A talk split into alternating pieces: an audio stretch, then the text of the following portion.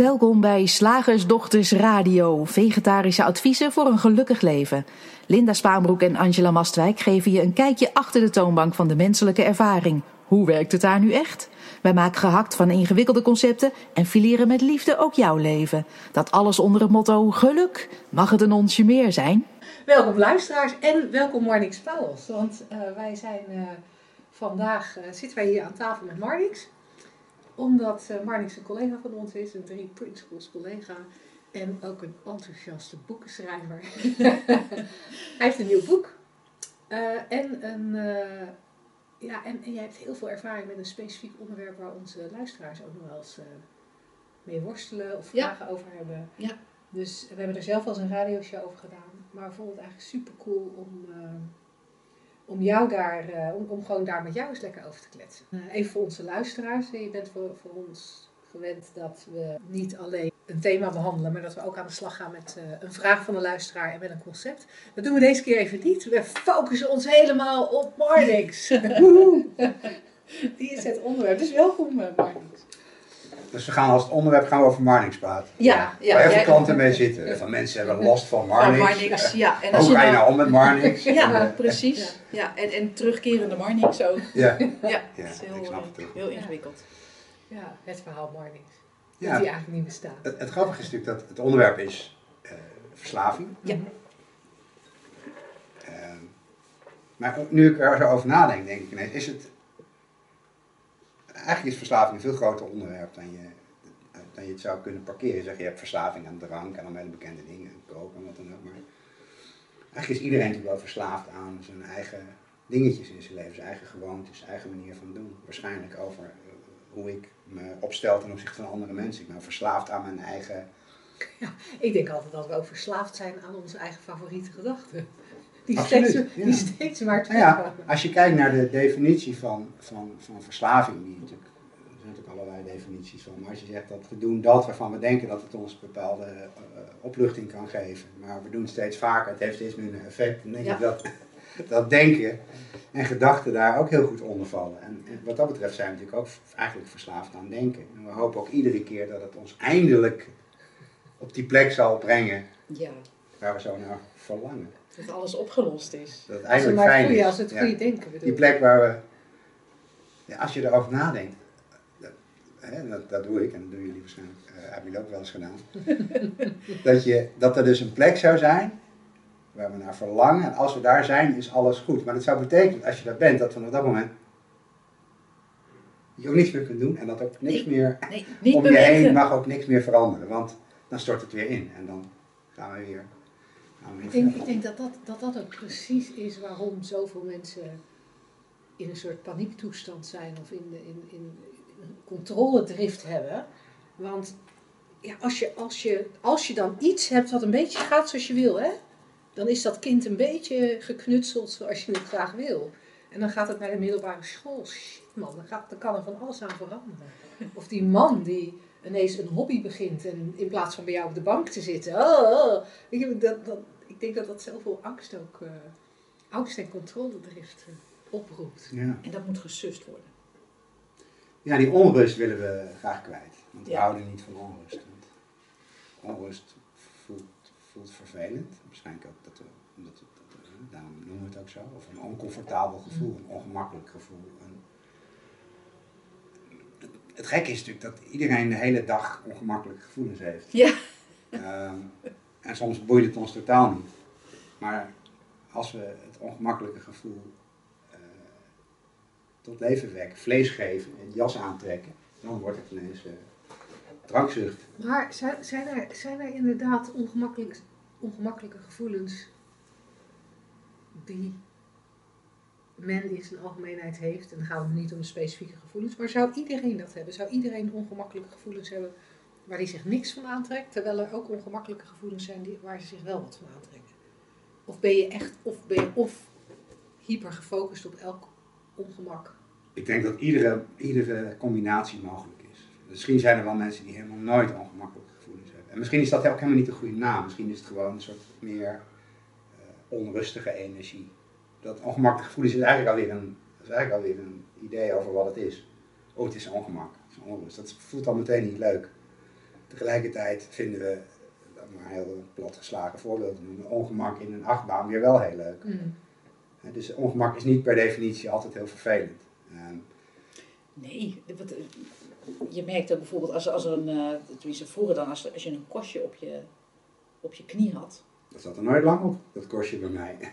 En ik wijs nu naar mijn pols, dat is ook, nou ja, whatever. Ja. Maar in ieder geval, dat je daar dan aan ging ehm, peuteren, dat deed een beetje pijn, een beetje ongemak, maar toch deed je het. Ja. Dus, dus ergens vinden we het blijkbaar ook wel eens, zoeken we het ook wel eens op.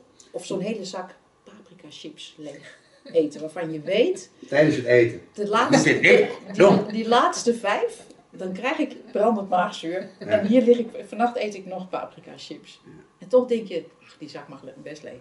Waarschijnlijk kunnen we ons op het moment dat we ons ongemakkelijk voelen, nog zelf, onszelf nog steeds voor de gek houden met het feit dat, dat er iets, dat wat we doen eh, in ieder geval beter is dan het ongemak, of fijner dan het ongemak. En dan hebben we het ongemak straks maar. Dat, het is altijd fijn dat we dat kunnen parkeren ongemak. voor later. Nu even niet. Nu even, laten we nu even. Nee, want blijk- blijkbaar, doet die, blijkbaar doet die chips op dat moment iets. En ik realiseer me trouwens voor onze luisteraars, wij zitten aan een tafel die een klein beetje kraakt. Het zou kunnen zijn dat je dat hoort in de opname, maar dan weet je dat het de krakende tafel is. Als het ongemak oplevert, zo be it. Ja, Ja. doe er wat leuks mee. Of niks. Doe er vooral niks mee. Maar ehm, Chips, chips, zijn, chips zijn hele vernuftige, het een hele vernuftige uitvinding. Er zijn eh, mensen jaren geleden heel erg mee bezig geweest om het helemaal perfect te maken in een soort beleving, in kraken en in smaak en wat dan ook. Dat is, dat is, er, zit heel, veel, er zit heel veel wetenschap achter en heel veel psychologie achter. En, en, en, en chips is pure troost. Net als popcorn gaan. Het is allemaal nooit super lekker. Het is meer. Het heeft ook iets. Het ego of kan, je kan erop kauwen. Er zit een soort agressie zit er in het hele gebeuren. Ja, het- kouwen. Hè? Ja, erop kouwen vind ik een mooi, vind ik een mooi woord. Ja, en, en, en eh, eh, eh, over dus ongemak, hè, dat even, even terug naar, naar, naar verslaving. Verslaving zou je dus kunnen zien als onze hoogst eigen methode om eh, tijdelijk minder last te hebben van ongemak. Hmm. Die zich uiteindelijk bijna altijd meer tegen ons gaat keren dan het ongemak ooit had kunnen doen. Maar wanneer is iets voor jou een verslaving? Wat is jouw een soort van Als definitie? je, er, van als je daar even last van hebt, denk ik. Ik, ik kan niet zoveel met. eh, Je, je hebt eh, eh, allerlei officiële definities, maar ook met wanneer, je- wanneer een bepaald, bepaalde hoeveelheid drinken verslavend is, natuurlijk onzin is. Ieder mens is anders. Het slaat helemaal nergens op om, om, daar- om dat zo te generaliseren. Eigenlijk denk ik, persoonlijk denk ik helemaal niet in fenomenen als verslaving. Waar ik aan denk is dat ieder mens doet zijn best om er iets van te maken. En doet zijn best om zijn leven een beetje comfortabel, een beetje lekker te maken. En allemaal kunnen we ergens voor vallen wat op dat moment eh, een goede oplossing blijkt om te doen. Op dat moment. Zelfs als we weten dat we het later niet zullen vinden. Op dat moment lijkt het een goede oplossing. En het kan zijn dat we eh, de tijdelijke oplossing van het ongemak, die natuurlijk ontstaat omdat we niet meer zo aan het denken zijn, dat we niet meer zo in ons hoofd zitten, dat we die koppelen aan, de, eh, aan het middel of de gewoonte. En daardoor Ja. geven we die gewoonte een bepaalde macht, een bepaalde magie. Ja. Ja, want daar, zie, daar zeg je iets wat ik wel belangrijk vind om voor onze luisteraars even te benadrukken. Je, je geeft aan van er is, een, er is een ongemakkelijk gevoel en dan gaan we eten of drinken of seks hebben of porno kijken of wat dan de, de, het ding De van je oplossing choice is. is. En, en wat er dan gebeurt is dat het denken verandert of stilvalt, naar mijn idee. En daar, daar komt de werkelijke verlichting vandaan. Hm. Maar we schrijven de verlichting toe aan Ja, en Aan dat weten we, want iedereen die ergens aan verslaafd is, of die iemand kent die ergens aan verslaafd is, weet ook dat de gepercipieerde werking van de gewoonte gewoon steeds minder wordt. Er moet steeds meer gebeuren van wat daarvoor eh, maar marginaal hoeft te plaatsvinden. Je moet steeds meer gaan drinken, je moet steeds meer kook gebruiken, je moet steeds meer porno kijken, je moet steeds vaker op je telefoon zitten. Dus het wordt steeds meer en meer en meer. Het is heel onschuldig. Eh, Trappen we in de valkuil. Eh, en daar zijn we dus kennelijk niet, goed, niet echt bij. Want als we ons al sneller bewust zouden zijn van wat we aan het doen zijn, zouden we toch eerder denken, oh, dat is ook gek. Eerst had ik één biertje nodig en nu heb ik één biertje gedronken. Nou, ik voel me niet echt veel beter. Even, even van de hak op de tak, maar even heel, heel, denk ik een heel belangrijk voorbeeld in hoe denken in dit eh gedachte eh, hier een rol spelen is. eh, als ik vroeger, toen ik excessief dronk, iedere, iedere dag, als ik op mijn werk zat en ik dronk nog niet en ik dacht aan het einde van de middag als ik naar huis zou gaan, ik zag het al voor me en ik zag hoe ik de koelkast opende en er stonden dan die perfect gepositioneerde halve liter schools, helemaal zo beslagen en wel. En hoe ik dat dan opende en deed de gordijnen dicht en ik zag het allemaal, dat is wat dopamine. Dopamine die maakt pakketjes van eh, ervaringen die heel compleet zijn met smaak en, en, en, eh, en veel beleving. En zat ik op mijn werk al, zat ik al na te denken over dat moment. En eigenlijk gaf dat al de opluchting die de drank later hebben nooit meer kon geven. Dat is gegeven. Dus het denken aan straks, hè, over twee uur. Ja. En dat is een heel bekend fenomeen. Dit bijvoorbeeld, eh, dat las ik ook wel eens over heroïneverslaafden. Die ook weten van als ik straks mijn geld bij elkaar heb en dan mijn shot heb. Het idee dat ze straks die, die, die spuit kunnen zetten, is dan al genoeg om ze rustig te krijgen. En uiteindelijk doe je dat dan nog. Maar wat, wat maakte dan dat jij, als je, als je op je werk zat en je had die voorstelling in je hoofd, Mhm. en het fijne gevoel, of het, het betere gevoel, wat het dan ook was, kwam al. Mhm. Wat maakte dan dat je thuis toch nog die koelkast wel opendeed? Omdat ik eh, geheel onschuldig eh, dat ge- fijne gevoel nog even wilde gaan bestendigen. Door het ook echt te doen. Oh, oké. Het is niet dat ik toen de tegenwoordigheid van geest had om te denken, nou, ik ben erin getrapt, het heeft leuk gewerkt op mijn werk. Ik heb het gevoel al, Ja, dus ik ik kan er ook ik, gewoon aan denken, dat is genoeg. Nee, dat had ik helemaal niet door. La, dat, dat, is het, dat is het bizarre. Er zijn zoveel dingen die zo ontzettend obvious zijn over dat denken wat we doen. Ja, no- noem maar nog eens een paar in het kader van Nou, verslaving. Eh, nou, niet, eh, eh, niet in het kader van verzaving. Wat ik altijd een heel, heel, heel mooi voorbeeld vind, is veel algemener, is, is mensen die naar voetbalwedstrijden gaan. En dat, dat, dat als je naar Ajax Feyenoord gaat en Ajax wint met 8-0 en je gaat buiten het stadion staan, je, je kijkt naar wat er naar buiten komt, dan, dan komt grofweg komen er twee, twee straten van emotie naar buiten. Nou, en de mondhoeken omhoog, als je daarheen gaat en je zegt waarom ben je blij, zullen die mensen zeggen ja, hallo, vanwege de uitslag. En de mensen die naar buiten komen met de mondhoeken omlaag en die om zich heen kijken wat ze stuk kunnen maken. En je vraagt aan hen waarom maar voel je je zo agressief. Dat ze zeggen ja, dat komt door de uitslag. En dan zeggen ja, maar dat komt omdat ik voor een bepaalde club ben. Het heeft, bedoel, dus we hebben voor alles zogenaamd een verklaring. Maar de vraag is wie heeft nou de werkelijke wedstrijd gezien zoals die is gespeeld?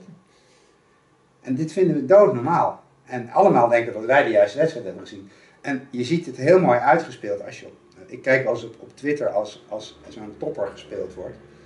En dan kan je naar de hashtag kan je kijken. Dus je kan dan volgen wat iedereen erover zegt. En dan wordt er wel eens een penalty gegeven aan een van de twee clubs.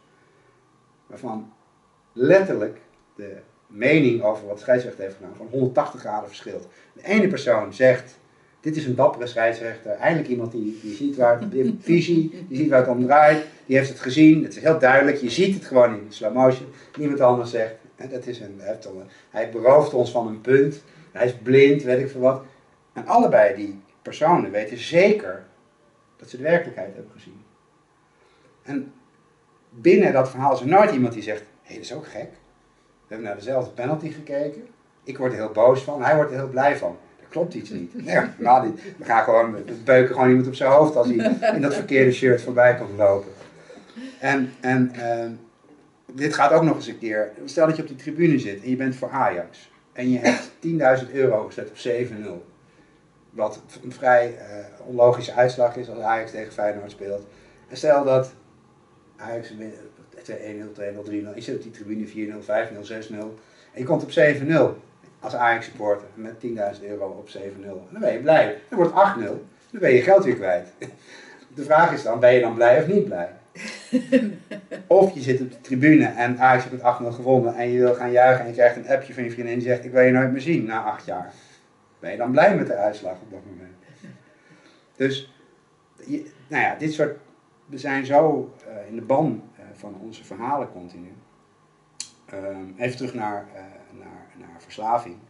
Ja, voor mij geldt ook, ik heb 28 jaar gedronken omdat ik dacht dat ik het nodig had om er wat van te maken en om om te gaan met, met onrust. Als iemand Dit is natuurlijk hypothetisch en hypothetisch bestaat niet, behalve Nee. dan als hypothese of eh, theorie. Maar goed, als iemand tien jaar geleden tegen me had gezegd, eh, gast, je bent gewoon onrustig. Onrust komt en gaat, het is gewoon energie. Je bent, ben je daar bewust van, dan zeg ik alles wat er gebeurt. Kijk maar wat er gebeurt als je er niks mee doet, als je, niet, als je het niet heel ingewikkeld, niet groot maakt. Dan eh, denk ik dat ik wat eerder was gestopt, op zich. Maar goed, het, Zou kunnen. Ja. het had ja. gekund. Misschien ook niet Koe zijn kont kijken, hè? Vinden de slagersdochters, maar we snappen wat je bedoelt. Ja. Ehm, en en ehm, iets anders over verslaving, wat ik me laatst ineens realiseerde bij een klant. En, en, en, en, en dat vond ik een heel prettig inzicht, een heel verhelderend inzicht. Het was, eh, hij hij eh, drinkt iedere keer een paar dagen en dan, en dan stopt hij weer een paar dagen. En dan drinkt hij weer. Dat is iedere iedere keer. Dat is al een paar maanden. Ik heb niet als eis als ik met iemand werk dat hij moet stoppen met drinken. Ik heb het idee dat stoppen, het, het drinken is het probleem niet. Hè? Dus je Nee. kan wel heel krampachtig niet drinken, maar dan heb je nog steeds die onrust. Je kan beter vrienden worden met die onrust. Dan kan, drinken is dan optioneel. Kan Ja. altijd nog, of niet. Dus ik werk met die gast een paar maanden. En, mm, hij heeft zelf heel veel schaamte tussendoor over het een paar dagen niet kunnen drinken. En verwarring. Hij snapt het niet. De ene een paar dagen lang denkt hij aan drank en doet het hem niks dan weer wel. Nou, ik was de laatste tijdje in, in Athene en ik kwam terug dat hij eh, anderhalve week niet gedronken en daarna was hij weer omgevallen. En ik zat met hem te skypen en hij zegt, Marnik, ik snap het niet, waarom doe ik dat toch? Wat is dit toch? En ik stond op het punt om daar een hele intelligente stelling over te poneren. En toen dacht ik ineens, dit is, ik zeg, gast, dit is helemaal perfect. Dit is jouw manier van stoppen. Het is alleen niet zoals wij het verzonnen hebben. Ik denk dat ons idee erover niet klopte. Wij hebben bedacht, we gaan samen werken en dan na een week stop je ermee. Jij stopt door iedere keer weer even te gebruiken. Want anders was het wel anders geweest. En nou, ik zag hem, hij ontstond een soort opluchting. Toen zei ja, maar misschien ga ik dit gebruiken om dan weer te Ja, dan is dat ook onderdeel van jouw manier om ermee te stoppen. En ik zag het zo duidelijk. Het probleem was alleen maar dat hij niet voldeed aan iets wat wij verzonnen hadden, zoals Ja. het zou moeten lopen. Zoals het altijd is. Ja. Het is nooit anders dan dat. Onze problemen, onze weerstand is altijd alleen maar de discrepantie tussen de werkelijkheid en tussen hoe wij de werkelijkheid graag zien. Het is makkelijk hè, om dat te weten. Nou ja, ik vergeet het ook continu. Maar het scheelt wel hoor. En het scheelt op een of andere manier. Als je, als je het eenmaal weet, dan ga je het steeds vaker herkennen en zien. En word je op een of andere manier steeds, steeds vaker onder je hol geschopt als je het weer vergeten bent. Dat is best wel goed geregeld door wat, Wat of wie dan ook. Het systeem. Ja. Ehm, en ehm, het, is een, het is een hele andere kijk op omgaan met verslaving. Want meestal is het heel verkrampt. En dan is het idee van als je weer hebt gedronken, en zoals bij de AA zijn ze Ja. daar keihard in. Dat wilde ik net zeggen. Als je 12, 12 steps of eh, Ja. zo'n programma volgt, dan begin je natuurlijk eh, al met eh, ik ben schuldig volgens mij. Of, ik ben alcoholist. En, ehm, Dan heb je het al vastgelegd.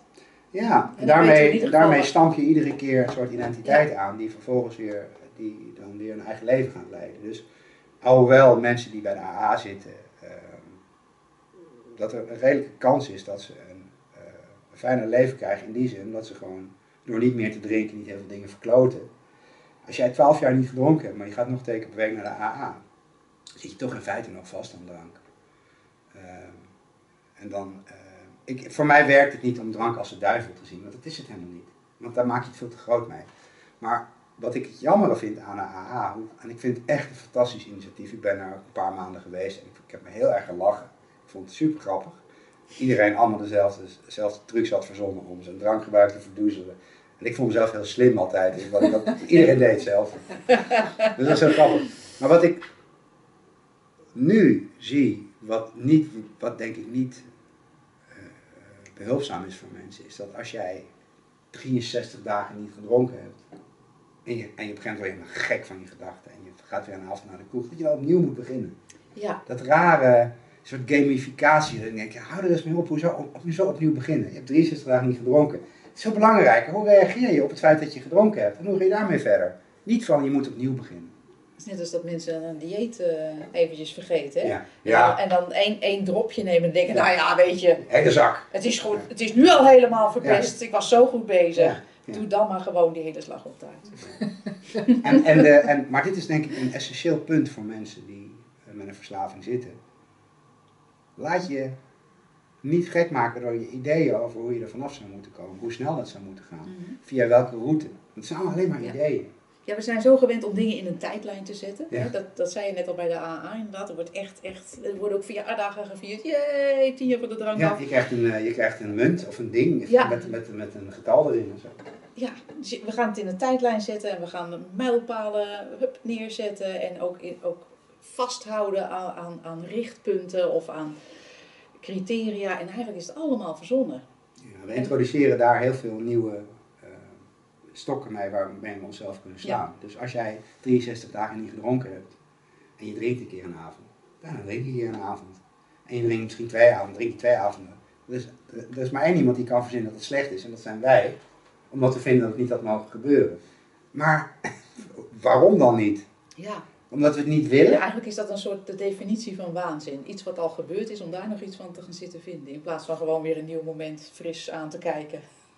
Met, ja. wat, met wat er zich dan aandient. Dit is denk ik wat eh, grotendeels wat de wereld zo in verwarring eh, brengt over het algemeen. Het feit dat we daar zo mee bezig zijn. Dat we het continu verheffend willen hebben.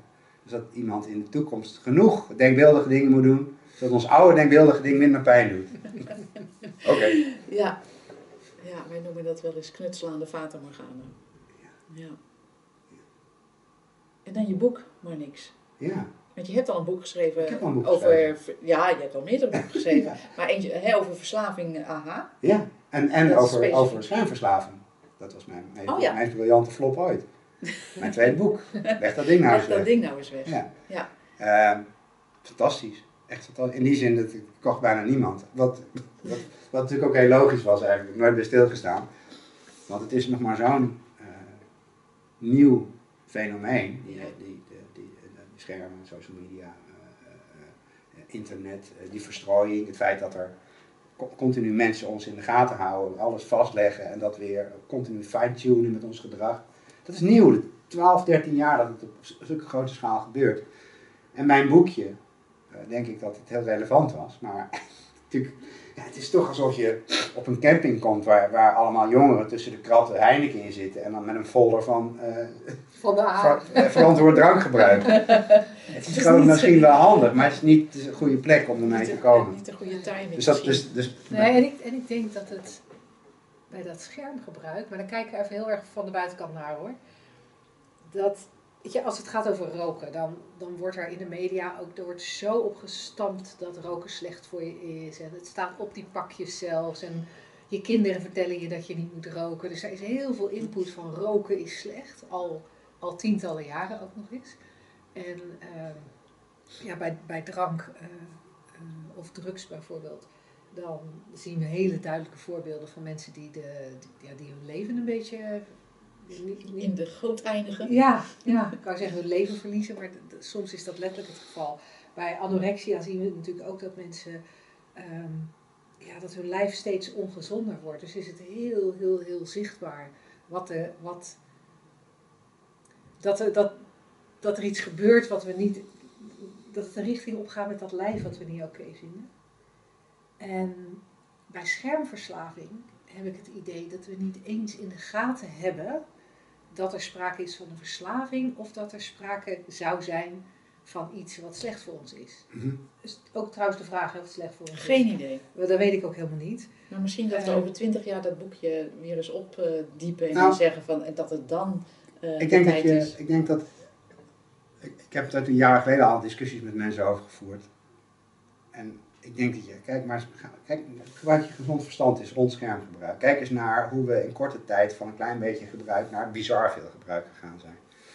Kijk eens naar het feit dat heel veel kinderen eh, bijna niet meer kunnen slapen s'nachts, omdat de telefoon naast, zit- naast, naast hun ligt. En iedere keer als je het, licht weer aangaat, dus denken er is iets wat belangrijk is voor mij. Ik moet er naar kijken. Kijk naar de, het vergelijken wat jongeren doen met elkaar. Kijk naar de, de, de, de, de, de, de internetpersona die we aan het bouwen zijn. De persoon die we willen lijken, waar we continu mee bezig moeten zijn. Met je fine-tunen, wat dan ook. Het is net, het is net het echte 10.000 leven. Hè? Ja, nou ja, maar het is natuurlijk een ideale manier om, om ons voor te doen op een bepaalde manier. Die ons, uiteindelijk gaat die zich tegen ons eh, eh, keren. Want ja, je moet wel continu voldoen aan dat beeld wat je gecreëerd hebt. Er is bijna niemand die, die in staat is om zijn werkelijke leven op, op internet te laten zien. Dat kan helemaal niet. Dat is zijn daar levens veel te saai voor. We pakken altijd onze hoogtepunten en die, en die krikken we een beetje op. En wat laten we dan zien? En er zijn nog honderdduizend andere dingen. Maar laat ik, laat ik het als heel simpel houden. Ik denk dat het logisch is dat je zou kunnen zeggen dat mensen over het algemeen onrustiger aan het worden zijn. Want je merkt ook tegelijkertijd namelijk, het hangt altijd samen met ineens hoeveel belangstelling er is voor mindfulness. En, en, en, en terug naar de natuur en dat soort dingen. Volgens mij hangt dat heel erg nauw samen met die soort. Minimaliseren. Ja, ja Marie Kondo. Het, Precies. Het, het, het, het simpel maken van dingen. Ja. En Ja, het leven in de wereld van onze telefoontjes en onze schermen, waar letterlijk alles grenzeloos is en alles ook nu besteld kan worden en eigenlijk alles ook nu kunnen krijgen, zorgt ervoor dat we onze geduldspieren ook niet meer ontwikkelen. Mensen gaan een long read, staat er long read, drie minuten. Ja, dat staat bij onze blogs ook, hoeveel minuten het lezen is. Daar verwonderde ik me ook over. Dat is Ja, blijkbaar dat gewoon is een, automatisch dingetje. automatisch dingetje van Dus WordPress. dan kan je altijd Dat ik denk drie van, minuten. drie minuten, dat is wel heel erg lang. En, en, en we hoppen van, van snackje naar snackje. Oeh, ophef. Oh, daar is beter ophef. Oh, die zijn we weer vergeten. Filmpje. Het eind van de dag heb je zes uur op je telefoon gezeten, waar je misschien nog een kwartier van weet wat je gedaan hebt. Dus het, het, het, het, het snoept tijd uit ons leven. Alleen, het heeft letterlijk geen enkele zin om daar met mensen over te praten die er helemaal niet over willen praten. En als, toen ik dronk en iemand wel tegen mij zei, ik vind wel dat je veel dronk, ik vond dat zelf niet. Nee, Echt niet. Nou, de meeste nee mensen op telefoon mensen wel zitten. zeggen, ja, maar ik vind het gewoon lekker. Weet je? Ja. Ja, en ik ga er gewoon naar mijn werk. Ja, het kan altijd erger en ik kan ook gewoon stoppen als ik wil. Ik heb nu toevallig geen zin om te stoppen, maar als ik zou willen, zou ik zo kunnen stoppen. Maar wa- waar, waarom ben je op een gegeven moment dan wel gestopt? Denk je dat er iemand is die daar antwoord op zou kunnen Nou ja, geven? dat weet ik niet. Was ik Omdat er kennelijk tijd voor was. Ja. Ik ben gestopt. Ik, de, de, de, de, de, de geschiedkundige, Marnix Pauwels, historisch, Het technische verklaring die ik kan geven is dat eh, ik had een relatie die was gestrand voor de tweede keer. En dat had deels te maken met mijn drankgebruik. En ik dacht, als ik stop met drinken en in plaats van alle tijd die ik in drinken stop, ga ik gitaarles nemen, ik koop een motor, ik ga heel veel fitnessen en ik word een heel ander mens dan ik tot nu toe eh 42 jaar ben geweest, dan wil ze misschien bij me terugkomen. Dat was mijn idee. Dat was mijn Goede motivatie. Heel goed. Een paar maanden was ik, eh, knalde ik en toen een paar maanden dacht ik wel, eh, ze toch niet meer terug. Maar ja, toen was ik al een paar maanden bezig. En toen dacht ik, nou, ja, dat is ook zonde om daar, eh, om daar dat zomaar weer. want Ik toen verkeerde nog in de veronderstelling dat als ik dan zou stoppen met die streak van niet meer drinken, dat het dan alles weer verloren zou zijn. Hè, zoals de AA dat doet. Dus ik dacht iets van, ja, nou, ik heb vandaag niet gedronken, ik zit nu op dag eh, 63. Eh, ik ben eigenlijk nog nooit zo ver geweest.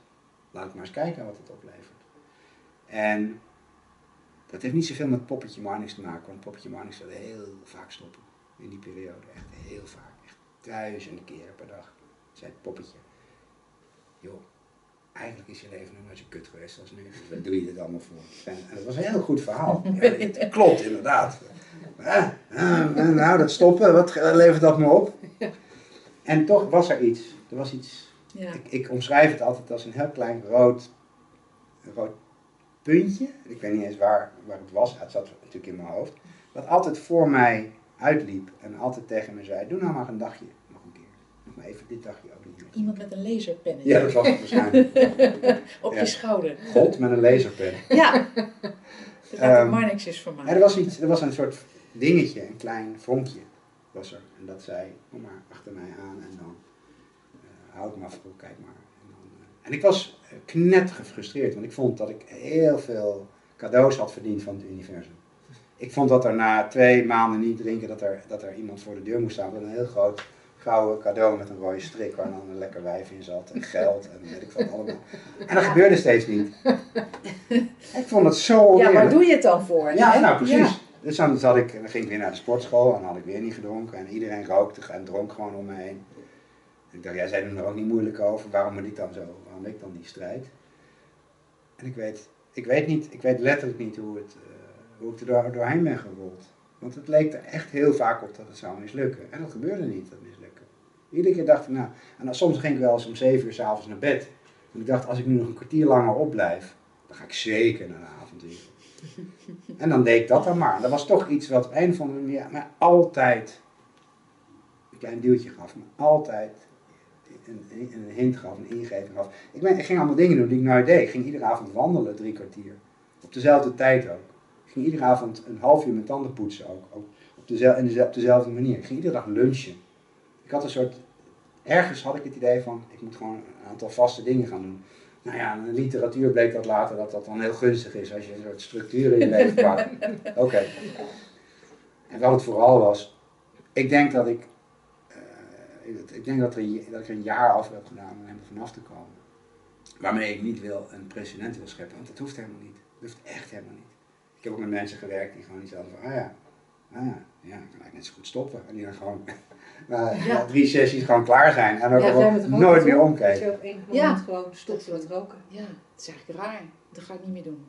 Nooit ja, meer gerookt. En, ja, of zoals mijn zoon, anorexia. Nee, met een heel zwaar geval. En hij besloot echt op enig moment, ja, ik kan er ook mee ophouden. Ja. ja. En dat kan dus. Ja. ja. Dat is wel uh, hoopgevend, maar niks. Nou ja, en, Voor mensen die luisteren die met, met een dergelijk probleem denken. Omdat, omdat we natuurlijk uh, ook geleerd hebben, we hebben enerzijds geleerd dat alcohol, om maar even een, een, een, een middel te noemen, uh, dat dat super gezellig is en noodzakelijk en bij een bourgondisch leven hoort. En mensen die van het leven genieten moeten drinken. En allemaal dat soort dingen. Dat hebben we 600 miljard... Wij zijn zulke slechte levensgenieters. Het komt nooit meer goed met ons. Nou ja, dit, dit, is, dit is over het algemeen is dit het uh, prevalente beeld in de maatschappij. Wat we keer op keer op keer op keer op keer op keer gehoord hebben. En mm. dat voor de meeste mensen is... Is het waar? Is dit gewoon hoe het is. En, ja. en het idee dat ze dat moeten opgeven. Zonder je wijntje, zonder je drankje, zonder je dingetje. Hoe moet dat dan? Dat alleen is al een soort, soort wereld van pijn die je, die je voor je ziet. Maar ik, ik moet zeggen dat met de mensen waar ik mee gewerkt heb, als ik naar mezelf kijk, ik denk dat een verslaving pas oplost als je op een of andere manier heel duidelijk voor jezelf ziet, ja, ik heb het eigenlijk helemaal niet nodig. Een, een, strijd is eigenlijk nooit een methode. Een strijd is en te veel eer voor het zogenaamde probleem. En het put je ook uit. En in die uitputting zit vaak toch weer het, het idee van, nou laat het, laat het maar maar zitten. Maar als we het beeld nou een beetje zouden kunnen gaan veranderen uh, rond dit soort dingen. Uh, ten eerste dat mensen zich realiseren dat ze ooit niet dronken en ooit niet op een telefoon zaten. En uh, ja, het leven ging gewoon door. Het was misschien zelfs nog best wel leuk ook.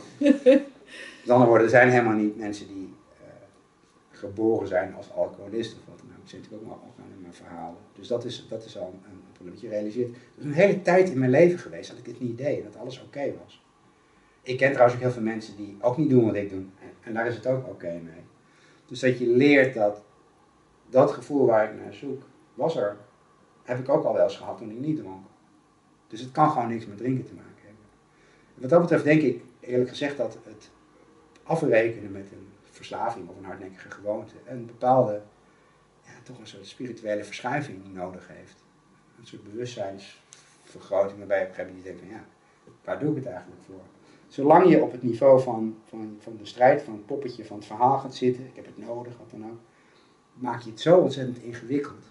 Dus als je op een gegeven moment ziet waar de onrust vandaan komt, dat die komt en gaat, een bijproduct ervan is dat je steeds vaker ontdekt, oh wacht eens even, ik ben gewoon eigenlijk een soort circus tent waar continu nieuwe optredens zijn. En ik vergeet iedere keer dat ik tent ben. Ik denk steeds dat ik het optreden ben.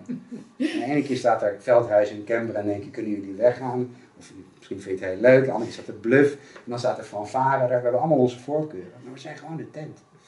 En um, op een of andere manier is er zo'n soort verschuiving noodzakelijk, denk ik. Maar het is ook heel goed mogelijk. Iedereen komt van diezelfde plek. Iedereen heeft, heeft die... Ik denk, denk, dan ook gelijk aan de term rustende tent. Ja, ja heel goed. Ja. ja. Um, en, en als jij, als jij je hele leven hebt gehoord dat eh, stoppen met drinken is heel zwaar. Ja, dan is dat een mentaal ding wat je met je mee moet dragen. Als je het nooit hebt onderzocht, ja, je denkt, ja, het is heel zwaar. En dan ga je er even over nadenken, ja, het is echt heel zwaar. Ben je gestopt met drinken? Het is zwaar, hè? Ja, het is super zwaar. Oh, oké. nou. Lijkt me ook heel zwaar, ja, ja, ja. Ik spreek met sprak laatst iemand, die is ook die is weer, die is weer begonnen. Ja, het was te zwaar. Het was, hij komt gewoon niet aan. maar we vergeten de, het effect van dit soort eh, mythes, dit soort, dit soort broodjes aap, dit soort ideeën. Het is eigenlijk gewoon een artiest die maar in die tent, die maar wat, wat uitkraamt, wat hij geleerd heeft van, eh, Ja, van zijn mentor. Nou ja, en, en het is ook het is van denken dat hij nooit meer weggaat. Vooral. Dus eh, daar komt eh, eh, Frans Bauer, noem maar wat. Trouwens, over, even als we het hebben over iedereen heeft zijn eigen realiteit. Er zijn heel veel mensen die ontzettend blij zijn met Frans Bauer. Dus, maar goed, in mijn geval zou dat Frans Bauer zijn die zich voor heeft genomen zijn, niet alleen zijn hele oeuvre te zingen, maar ook het hele oeuvre van Johnny Jordaan, Elvis Presley, de Beatles, alles van Doe maar een tandje lager, Connie van der Bos. En daarna gaat hij Chinees En de halen en dan hebben we pauze. Maar ik bedoel, dat, dat hele idee. En het, het lastige is, we zijn zo geneigd meteen op dat paard van die vorm te springen. Van, oh, maar wat moet ik dan doen met dat en zus en dit en dat. Dat we ons niet realiseren van, ja, we zijn, we zijn die tent. We zijn de plek waar al die, al die onzin iedere keer gecreëerd wordt. En ook vaak leuke onzin, hè? Laten we dat niet vergeten. enorm. Ehm, ik moet zeggen dat, eh, ik weet niet hoe het komt, maar de laatste jaren is er veel meer leuke onzin in mijn leven dan daarvoor. Misschien, misschien was het daarvoor ook wel, maar zag ik het gewoon niet, dat weet ik niet. Maar, ehm, Het heeft een groter podium in jouw tent. absoluut, ja. En, en, en, en het speelt ook langer en het heeft ook, ja, de hele tent doet ook mee en de tent is, ook lekker. Maar ja, en als er iets komt wat, wat, wat minder leuk is, dan, dan gek genoeg komt dan ook altijd minder publiek en gaat het ook sneller weer weg. Die artiest heeft dan ook iets van, ja, ja, wat doe ik hier dan eigenlijk nog? Ja. Dus die is gewoon weer eh, wat sneller verder. Kijk hoe we dit, deze metafoor kunnen uitwonen. Die. Ehm, ja, dus eh, al die ideeën die we meedragen, of het is heel ingewikkeld om te stoppen met roken. Het is heel, oh, eh, weet je. Ja, die lichamelijke verschijnselen ook die ik krijg. Ja. Ja, ja, het doet fysiek natuurlijk ook veel Ja, mee. en die gaat altijd heel veel eten. Die komt altijd 10 kilo aan. Ja. Altijd zo. Ja. Dat is gewoon, ge- dat zie je, Gegeven. weet iedereen. Ja, dat moet je dan maar eh, voor Dus, doen. eh, en bovendien, je moet toch ergens dood aangaan. Hè? Dan, eh, dan maar 10 jaar van mijn leven af. Hè? Ja, Ehm, ja, die, die dingen heb, zitten allemaal in ons hoofd. En zolang je denkt dat je het op dat niveau het spel moet winnen, ja, dan, ga je het, dan maak je het ontzettend moeilijk. En er is een, soort- er is een shortcut, dat is natuurlijk waar, waar, waar jullie het ook altijd maar weer over hebben. De, de, de, in principe, ik wou zeggen, de, het, het optreden wat je alleen maar continu leuk vindt. Het is meer dat je, als ik me goed voel, ik voel me echt heel goed. En je zet mij voor Frans Bauer, vind ik Frans Bauer prima. Want het komt niet door Frans Bauer. Als ik me goed voel, voel ik me gewoon goed. En als er dan iemand, een band komt die ik, of, een, een- of er zit Hans Theo en ik oh leuk, er zit Hans Theo. Dan voel ik me nog beter dan ik me al voel. Maar als je, als je, als je basisgevoel al, al oké is, dan hoef je niet meer zo op zoek naar eh, het, eh, het, het, het creëren van je volmaakte programma in die circus ja, de juiste artiesten. Ja. eh, Nou, zes dagen was leuk, maar op dag zeven komt altijd bluff weer langs. en dan moet ik, dat, hè, dan moet ik daar weer naar zitten luisteren. Dat je denkt, nou, bluff, wat te gek. Waanzinnig, Nederlandse band. Heel veel controverse over die, die, die, die, die teksten van ze altijd. Dat het allemaal een soort quasi-poëzie is. Grappig, ik ga er eens naar zitten luisteren. En best wel goed zingen die Pascal trouwens. Hoe oud zou die kerel zijn? En dat je er gewoon zin om je heen gaat kijken. Oh, al deze mensen, oh, oh, oude mensen. Hoe is mijn leeftijd? Ik ben ook wel oud. Weet ik wel, lachen. dit, Maar goed. Eh, nou ja. Hè? En, en, en, en je zit daar gewoon. eh, eh, het, het, het, het idee dat je, je je eigen plezier meebrengt naar alles wat je doet, dat is natuurlijk uiteindelijk de, de, de hele grap. Dat je gewoon met plezier vuilniszakken bij te zetten. Ik doe dat als ik loop ik naar buiten met twee vuilniszakken. Ik op straat ik, hé, vuilniszakken. En op zich, vuilniszakken geven niet een gevoel af. Wel eens een geur, maar een gevoel ja. ook niet, meestal niet. Het is toch op een of andere manier.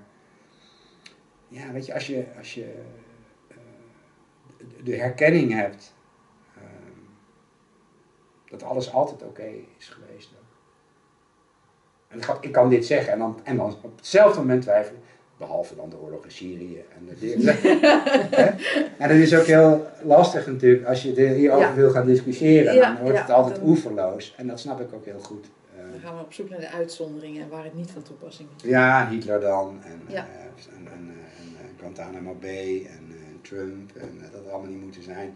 Maar ik zeg altijd, ja, iedere, iedere terrorist is in de ogen van een aantal mensen ook altijd een vrijheidsstrijder. Dat kunnen wij allemaal vinden, heel chic, hoe de wereld zou moeten zijn.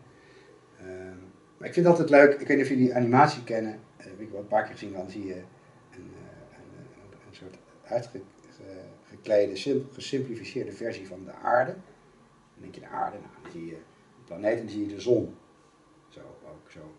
Die zoomt uit, ziet de zon. Denk, nou, dat is een, dat is een flinke jongen, de zon. Ja. En dan gaat hij voor de aarde, is de aarde helemaal weg. Maar dan zie je de zon en dan komt er een ding wat veel groter is dan de zon. Maar er is ook een ding wat nog groter is dan een ding dat groter is dan de zon. Uiteindelijk is de zon ook helemaal niks meer. En als je dan 86 niveaus weer inzoomt, kom je uit bij, bij ons. Je stopt op het juiste moment voordat je doorgaat en weer bij de bacteriën terechtkomt. En, en, en wij proberen dan op een of andere manier dat universum anders te laten draaien dan het draait. En er van alles van te vinden ook.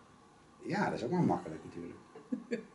en de laatste, de laatste tijd sta ik wel stil bij, de, bij, de, bij het gedachte-experiment. En dat, dat heel simpel is. Wat, hoe zou het zijn om de rest van je leven gelukkig te zijn? En vroeger zei ik dan altijd, ja, maar dat is niet leuk, want als je altijd gelukkig bent, dan weet je niet meer, want je hebt ook, je hebt ook tijden nodig die, dat het niet... En toen dacht ik, dat is helemaal niet waar. Als je altijd gelukkig bent, ben je gewoon altijd gelukkig. Dus dat maakt er geen zak uit. Dan hoef je helemaal niet slecht te voelen tussendoor, om dat geluk weer te waarderen, want dat doe je al, want je bent altijd gelukkig. En toch kunnen we het eigenlijk, ja, best wel lastig, kunnen we dit gewoon niet echt altijd gelukkig zijn. Stel, stel je voor dat je gelukkig bent en je werkt ergens, je wordt ontslagen. En je denkt, nou, ik ben ontslagen, maar ik ben wel gelukkig. En je, je bent werkloos, want je verdient geen zak en je hebt een uitkering. Maar je bent wel gelukkig en je gaat solliciteren en je bent wel gelukkig. Meestal doen we dat niet. Meestal worden we Nee. heel ongelukkig van het feit dat we ontslagen zijn. Het feit dat we geen geld Ja, verdienen. denken we, denken we dat we ongelukkig worden van het ontslag. Tuurlijk, tuurlijk, Ja. dat is het hele idee. En, en de wereld denkt dat ook. En Ja. de mensen om ons heen denken, die kijken ons toch een beetje meer waar we gaan als we ontslagen zijn. Ja, ja hoe is dat? Oeh, ja. Ja, Maar in het kader hiervan, vroeger had ik wel eens als mensen tegen mij zeiden, mijn relatie is uit, dan zei ik altijd wat erg. En nu zeg ik altijd, wat vind je daar zelf van? ik had wel eens dat mensen zeiden, oh ik vind het heerlijk. Weet ik veel. Misschien is dat het mooiste wat je overkomen is. En dat weet, we komen bijna weer terug bij, je vroeg net van, noem eens wat voorbeelden van dingen waarin we niet, niet zien eigenlijk hoe, hoe we onszelf foppen met ideeën over de wereld. En een van die dingen is dat relaties continu voorbij gaan. Dat we het altijd het ergste vinden wat er is over het algemeen als het voorbij is. En op een gegeven moment vergeten we het weer en komen we weer in andere. En we nemen eigenlijk heel weinig mee van die, van die, van die lessen. Dat we denken, dat de eerste volgende keer dat die volgende relatie uit is, voor ons minstens weer zo kut. of nog veel erger, omdat we... Ja, we al, het gaat altijd fout Ik ben niet geschikt voor de Er is bijna niemand die zegt, nou dat had ik laatst ook, die vorige keer. Ging het daarna ook wel weer goed, maar ik zal het wel zien. Dat, is, het, het lijkt alsof het is ingebouwd dat we dat soort obvious dingen altijd vergeten. Ja, misschien is dat gewoon een gewoonte. Ongetwijfeld. Ja. zo zijn we ook keurig ge- getraind natuurlijk. En met je nieuwe boek maar niks. Dat heet eh, Wakker. Ja. Wil je ons daarmee wakker schudden voor dit soort eh, valkuilen of eh, ja. gewoontes? Of... Nou, laat ik het zo zeggen. Ik, ik, ik hoop dat mensen die daarin geïnteresseerd zijn er iets aan hebben. En dat die mensen verder helpt. Het is een, een, groot deel van het boek gaat over de geestelijke gezondheidszorg op dit moment. Over de vraag die ik ook ergens in het boek stel van, het is heel grappig. Er is letterlijk nog nooit in de geschiedenis van de mensheid zoveel kennis geweest over mentale ziekte. En er zijn nog nooit zoveel mensen in de war geweest. De vraag is of die kennis nou wel heel veel bijdraagt. En, en, en ik vind het raar dat we zoveel weten. En dat er zoveel mensen naar de kloten zijn. Wat mij betreft is dat gewoon niet logisch. Ehm, dus ik denk dat er een, wat jullie natuurlijk ook regelmatig zeggen, toch een soort eh, verandering van paradigma zou moeten komen. En dat we meer gaan inzien dat de, de, de ervaring van het leven die we hebben, dat we die zelf maken de hele dag. In onszelf van binnen en dan op de wereld plakken. Met respect voor die ervaring, vooral dat. Dat is wel een heel belangrijk eh, element in het boek ook. Je kan je ook super kut voelen. Het is ook onzin om dat, om dat eh, continu plat te te zeggen, ja, dat is ook maar gewoon een idee. Ja, het is wel een hardnekkig idee. en het is ook mooi. Ik vind, ben het mooi gaan vinden. Ik kan af en toe gewoon een kwartier heel verdrietig zijn. Ja. En dan, ah, dan zit ik, nou, dan voel ik zo dat verdriet en denk ik, ah, riet. En dan probeer ik, en als ik er dan eigenlijk, oh wat is het, dan word ik heel nieuwsgierig naar, en dan gaat het weg. het is niet dat ik dan de hele dag erin blijf hangen bij de Dus het, het hele spel, al die optredens in de circus tent horen er allemaal bij. Ook het vergeten, ik denk, oh ik ben helemaal, ik snap het helemaal. Oh ik ben helemaal, alles is oké. Het is wat het is. Oeh, te gek. Oh kut, mijn fiets is gejat. God. En dan weer kunnen vergeten ook, is ook weer onderdeel van het verhaal. Nou, het is grappig, jij, jij, geeft me dan de mogelijkheid om over het boek te praten en ik ga meteen weer ergens anders heen. Jij gaat meteen de circus tent weer in. Maar uh, het, het, boek gaat uh, in feite natuurlijk over zelfrealisatie of bewustwording of ontwaken. Vandaar dat het ook wakker heet. Ehm, meer de, de de vanzelfsprekende terugkeer naar, naar, naar thuis, de ontdekking van, oh wacht ik ben al die verhalen helemaal niet, ik ben al die ervaringen helemaal niet. Ik heb ze, ze zijn fantastisch en heel kleurrijk en heel indrukwekkend en uh, ze weten me iedere keer weer onderuit te schoffelen. Maar ja, ze voorbij zijn, ben ik nog steeds. Dus daar gaat het om, die interesse. Wat is dat dan eigenlijk? Wat blijft er over als al die dingen die komen en gaan, die allemaal zo belangrijk lijken, als die op een of andere manier toch weer verdwijnen. Wat is dan datgene wat nooit weg is? En als je dat ontdekt, en dat is natuurlijk waar, volgens mij waar jullie het ook altijd over hebben. Ja. Of dat wat jullie gebruiken om het daarover te hebben. Zoals ik het voor mij ook zie, dat dat boek natuurlijk gewoon door mij gedrukt is.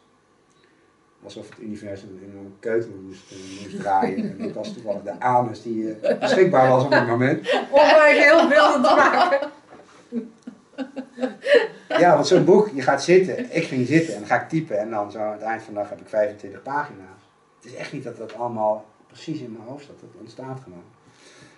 Dus het boek is een ode aan de menselijkheid met uh,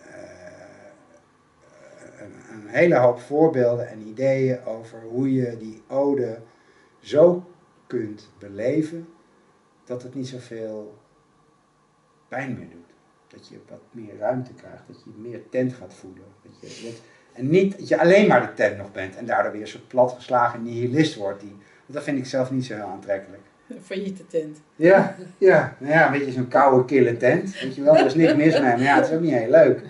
er gebeurt niet veel, er gebeurt eigenlijk helemaal niks. Dus er zijn ook geen problemen. Maar het is ook niet heel vreugdevol. Maar, dus dat is wat ik probeer in het boek heel duidelijk te maken. Ehm, mensen in de gezondheidszorg doen allemaal ontzettend hun best om andere mensen te helpen. En dat vind ik altijd bijzonder.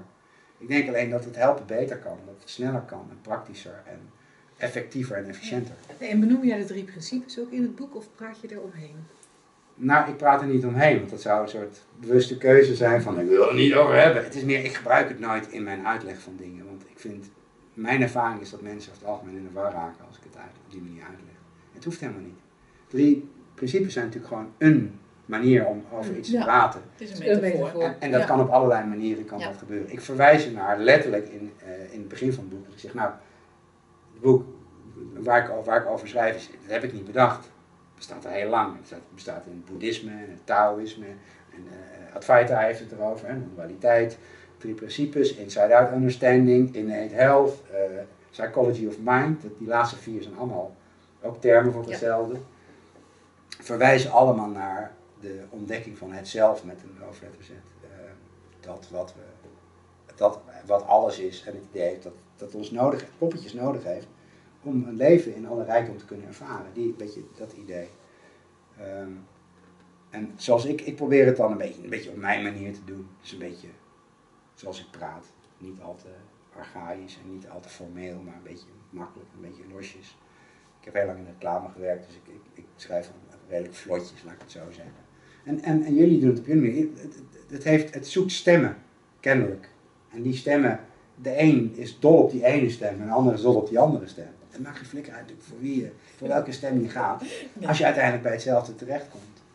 Uh, en het ene spreekt de ene persoon meer aan dan de andere persoon.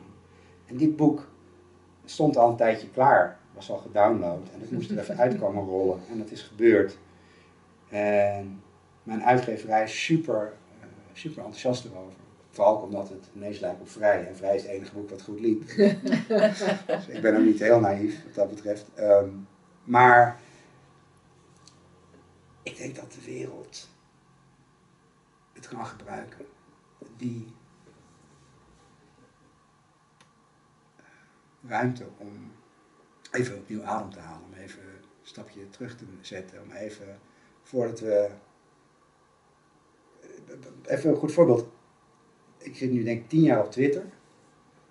En het valt mij echt op, en misschien ben ik uitgebreid op gefixeerd, hoor, misschien is dat helemaal niet, slaat het nergens op, maar het valt mij op dat mensen duidelijk minder kunnen hebben van elkaar ook. Dat er veel meer vliegen worden Oké, of dat, dat was natuurlijk op Twitter al, al het ding. Ook toen Twitter nou, misschien ben ik zo veranderd dat ik eerst zelf daar onderdeel van was en me toen niet opviel. En dat ik het nu veel schrijnender zie. Ja. Maar laat ik het zo zeggen, in de maatschappij, we zitten elkaar wel erg in de gaten te houden. En mensen worden heel veel afgerekend. En het is toch wel.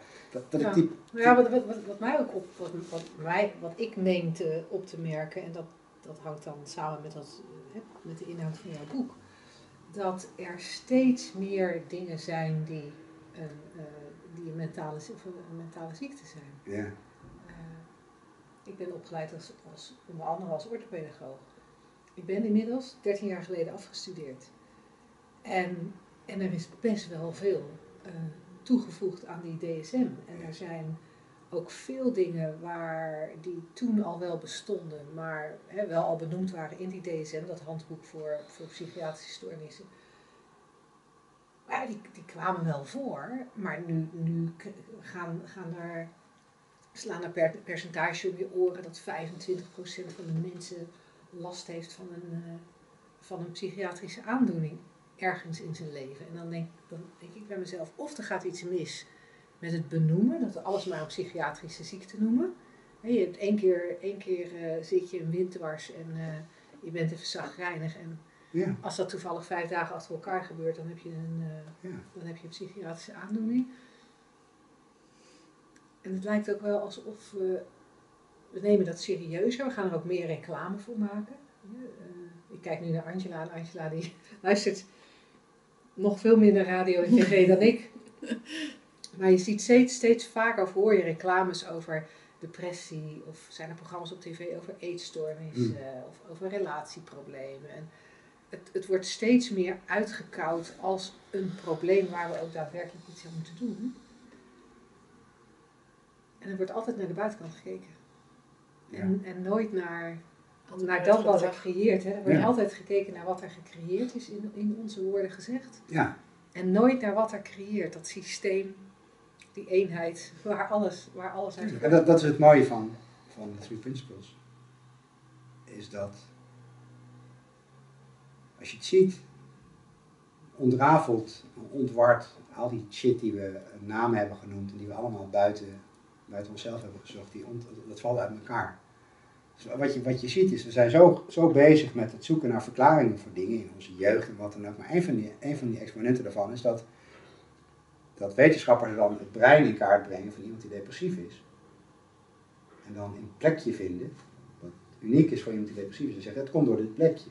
In plaats van, hmm, misschien is het plekje wel het resultaat van Ja, iemand die zich ja. continu helemaal de tyfus heeft lopen pieken. Dus we zijn zo bezig met het zoeken naar oplossingen voor dingen. En dat is ook logisch natuurlijk. Ik denk dat jij, eh, wat jij zegt, klopt absoluut. Er is een, eh, volgens mij zou blozen op, eh, het verlegenheid zou in de laatste DSM komen als probleem. Als jij langer dan twee weken rouwt om iemand die dood is, dan ben je officieel depressief.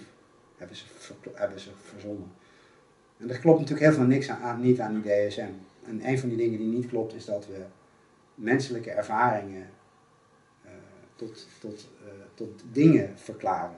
Dus een depressie is een naam voor een bepaalde menselijke ervaring. En die menselijke ervaring kan super kut zijn.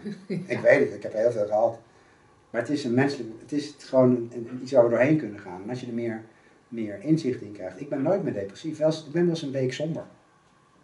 Maar dat is niet die, niet die vermorselende pijn die ik vroeger had. En zodra, alles wordt een ding, dus een depressie is ook een ding. En ik ken zoveel mensen die rondlopen met een depressie ergens op hun schouder of in hun hoofd. Ja. Die wachten op het moment dat ze niet opletten. En, of een angststoornis, of een, een PTSD, of een PTSS. eh. Eh, en, en ik zeg in, in Wakker zeg ik ook, begin mijn hoofdstuk over ADHD, zeg ik ook, ADHD is een druk hoofd. Het is een druk hoofdziekte, het is echt geen ziekte, het is gewoon een druk hoofd. En ik snap wel dat mensen graag willen dat waar ze last van hebben, dat dat iets is. Want dat, ja, dan kunnen ze daar toch naar verwijzen en het geeft een bepaald vast. Maar uiteindelijk heb je er geen zak aan. Als je iets, continu naar iets gaat verwijzen, dan tijdje, het, het heeft namelijk geen effect. Het, wordt, het maakt het niet minder. En kun je, kun, je, kun je, had jij nou in jouw boek uiteindelijk bij elk hoofdstuk de conclusie, het is eigenlijk allemaal een druk hoofd? Natuurlijk. Continu. Maar daarom gebruik ik het ook. Ik heb een heel hoofdstuk over depressie, over verslaving, over stress, over persoonlijkheidsstoornissen. dat, is dan, dat is een persoonlijkheid dan weer. Ja. En al die dingen gebruik ik allemaal om iedere keer terug te gaan naar waar het vandaan komt en hoe waar het gecreëerd wordt. Omdat het altijd alleen maar slechts het feit is dat we voelen wat we denken. Of dat er energie door ons heen gaat die een cognitieve kant heeft, een contentkant en een fysiek uh, gevoelsmatige kant. Dat is wat er gebeurt. Dat neemt niet weg dat sommige van die ervaringen verschrikkelijk zijn. Dat is niet het punt. Dat maak ik ook meteen duidelijk. Want eh, het zou ook heel bizar zijn voor mij, omdat ik nu toevallig geen last meer heb van depressies, dat ik dan ineens een hele laconiek erover ga zitten. Nou, stel je niet aan. Maar, dus ik, ik praat wel met heel veel respect over de ervaring aan zich. Maar als je weet waar het vandaan komt, als je weet wat, hoe, die, hoe die opgebouwd is, als je weet dat het nooit persoonlijk is, dat het geen ziekte is, dat het niks te maken heeft met jou en je toekomst en hoe fout je bent, maar dat het een tijdelijke ervaring is. Mij heeft dat zo ontzettend veel geholpen. En ook de honderden mensen waar ik de afgelopen jaren mee gewerkt heb. zijn allemaal, er ontstaat een beetje ruimte rond dat, datgene wat is een, een, een onoverkomelijk zwaar probleem was. En daarmee kun je het nog steeds ervaren, maar met een hoop lichtheid die steeds meer toeneemt. En dat is denk ik waar de boodschap van het boek. Wees mens in godsnaam. Het is het mooiste wat er is. Maar sta je niet zo aan, dat hoeft helemaal niet. Ja, dat vind ik een uh, slagersdochterswaardige ja, laatste woorden. Ja. hey, dankjewel Marnix. Ja. Oh, en nog heel eventjes, waar kunnen de luisteraars je boek uh, wakker vinden? Natuurlijk uh, bij alle online boekwinkels te, te, koop. En als mijn uitgeverij zijn werk goed doet, is het, ligt het ook in, in een hoop winkels. het is nog nooit een boek van mij bij de Bruna of de ACO geweest. Het schijnt best wel een ding te zijn om naar te komen. Misschien gebeurt het nu, ik weet het niet. En als je het bestelt, zeg ik altijd, doe het dan lekker bij je plaatselijke boekhandel, want die kunnen de klandizie goed gebruiken. Oké, hartstikke goed. Hey, dankjewel Mark. Ja, dankjewel. Mag ik nog even zeggen, voor, we, we, hebben de laatste tijd weer veel nieuwe podcastluisteraars erbij gekregen. Oh, welkom, welkom, welkom. Hartstikke leuk dat je erbij bent. Uh, maar misschien weet jij dan uh, nog niet dat uh, die drie principes waar wij over praten, daar hebben we ook een klein e-boekje over geschreven. Dat heet Drie Principes voor Geluk. Uh, dat is wel een, hele, een heel fijn e-boekje om eventjes aan te vragen op onze website. Het kan op shiftacademy.nl. Het kan ook op slagersdochters.nl. Uh, onze twee websites. Het e-boekje is gratis en als je het aanvraagt krijg je ook elke maandagochtend van ons Shift magazine. Ook gratis en voor niks met daarin een leuk artikel, um, een, een, nieuwe video. Um, allemaal in de richting van die, drie, uh, van die drie principes. Maar dat kan zeker als je een beetje nieuw bent in deze richting hartstikke leuk zijn uh, om dat e-book uh, eens te lezen. Ja, doen. Ter ondersteuning. Heel graag. Tot, Tot de volgende keer.